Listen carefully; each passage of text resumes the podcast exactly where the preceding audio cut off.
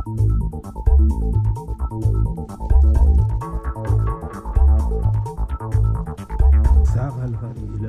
Turčiji so se pred dobrim mesecem zaradi napovedi oblasti o gradnji nakupovalnega središča v parku Gezi v samem centru Istanbula protestniki zasidrali v park in nasprotovali načrtom. Policija je takrat reagirala nasilno in silo razgnala demonstrante. Dogodek je sprožil iskro upora, ki se je razširila po vsej Turčiji. Partikularna avtokratska odločitev oblasti s predsednikom Recepom Tadžipom Erdoganom na čelu je bila tako povod za množične proteste proti splošnemu avtoritarnemu režimu. Ta se je kazal tudi v tem, da je država spremljala zakone, ki se sekularnim prebivalcem Turčije zdeli precej preveč islamistično obravnavani. Eden takih je bil omejitev prodaje alkohola.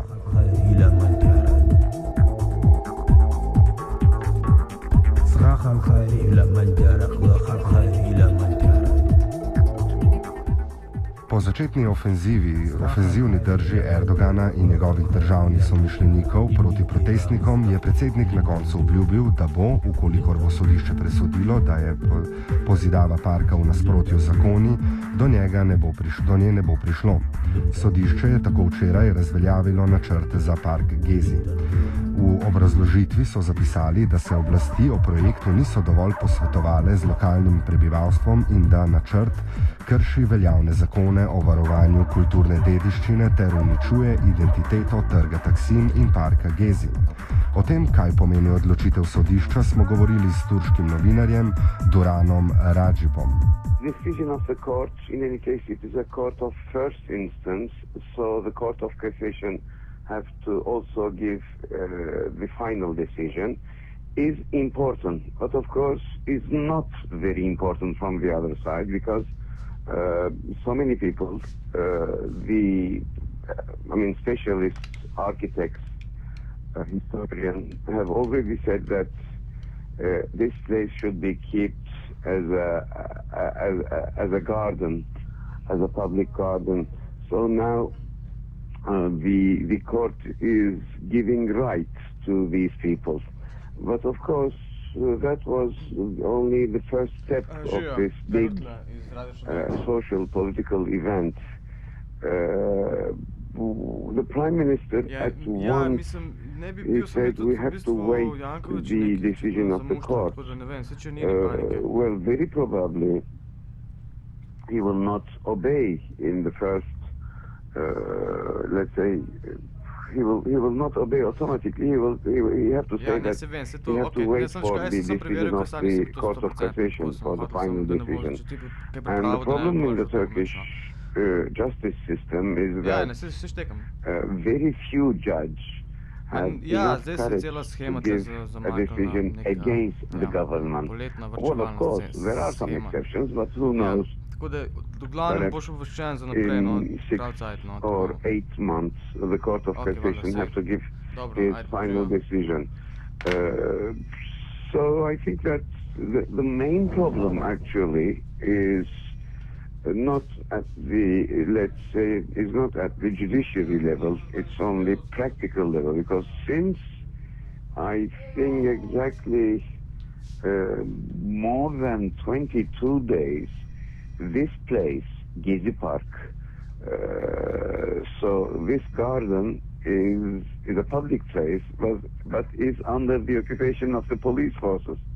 Nobody has the right to go in, and the mayor of Istanbul have said that one day in the future it will be open to the public. This is something really very ridiculous because, well, there is no another example in the world and in, in the history.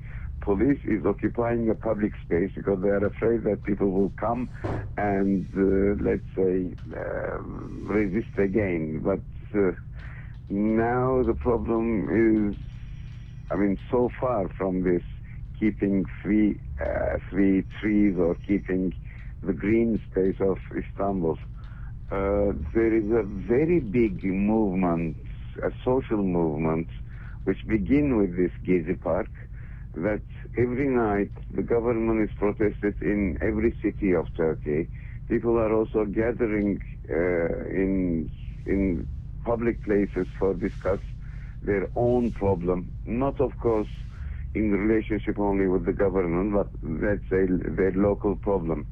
So this is uh, this is a very important date in the history of Turkey. So many so many things are beginning to change because before there was no real opposition, there was no real popular opposition. Uh, people were were even afraid to speak about politics in their private phone conversation, but now people are discussing about politics, about their own politics in the uh, public place.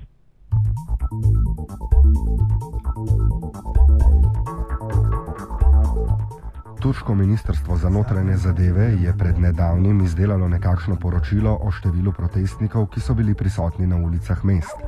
V 79 od 81 regij je po vladnih podatkih protestiralo 2,6 milijona Turkov, vendar kljub visokim številkam kvantiteta ni bistvena, nadaljuje Duran Rajib. This is mainly uh, a very uh, youth movement, uh, well educated, uh, urban, uh, youngs have, uh, I mean, begin this movement, but it has uh, an influence on all over of, of all cells of the society. In men on the street, men at the coffee shop, men at home, men at the, let's say, working men are always speaking about what's happened. And this is not only a political uh, movement, it is. It has also its own political idea, but it's mainly a very social, very cultural, and also very ideological movement. This is a kind of a war between old Turkey and new Turkey, uh, with all the instruments used in both sides. It is really I mean, easily, we can easily understand by looking to the means that they are using. I mean, young people are using social media. the government is using police force. Uh, young people are using humor. Uh, the government is using a very violent uh, discourse against these people. I mean, even insulting them. Uh, so this is, of course, it should not be called a kind of a big revolution. It is just the beginning of a small uh, movement in the social history of Turkey, but it has to, I mean, it is, for instance, uh, it is comparable not with the Arab Spring, but with the uh, with the French 68 May movement, uh, which is much more cultural than politic. And of course, this is now summer. Uh, schools and university are closed. Uh, let me give you the example of ceremony of end of year in the university. All universities had to organize these uh, ceremonies where the dean, the president of the university are coming and making some speeches. So university students have their diploma. Uh, all the parents of the students are there. So this is an important uh, manifestation. This year, all the all these uh, ceremonies turn to be uh, a very, uh, let's say, a very good occasion for uh, making or sending salutation to the Gezi resistance. All, I mean, in somewhere uh, the deans and the president of the university were not able to speak because these were reactionary pro-government people, and the students made made their own ceremony without any without without a participation of any official person. Uh, I was recently, just what a week ago, in a uh, in a marriage ceremony, which is, as you can know, very uh, civil and very private uh, I mean, moment in in the life of a young person or young persons. So that was also a ceremony in Ankara, very political. Everything was uh, in, in relationship with Gezi, with Gezi resistance. I mean, young married person, all their parents, and even the mayor who was uh, making the, this official ceremony of marriage. In the speech, he made an allusion, or he made, uh, I mean, he spoke about Gezi. So this is something really very new, and it's of course, um, I mean, a little bit early to see in which direction it will go, which will be the direct and short-term effects of this movement in the Turkish uh, political uh, future, let's say. But if not, it is a beginning of a big social movement.